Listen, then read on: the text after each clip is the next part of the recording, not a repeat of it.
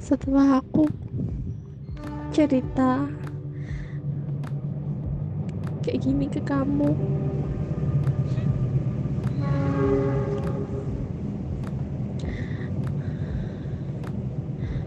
aku nggak tahu sampai bakal tetap sayang sama aku.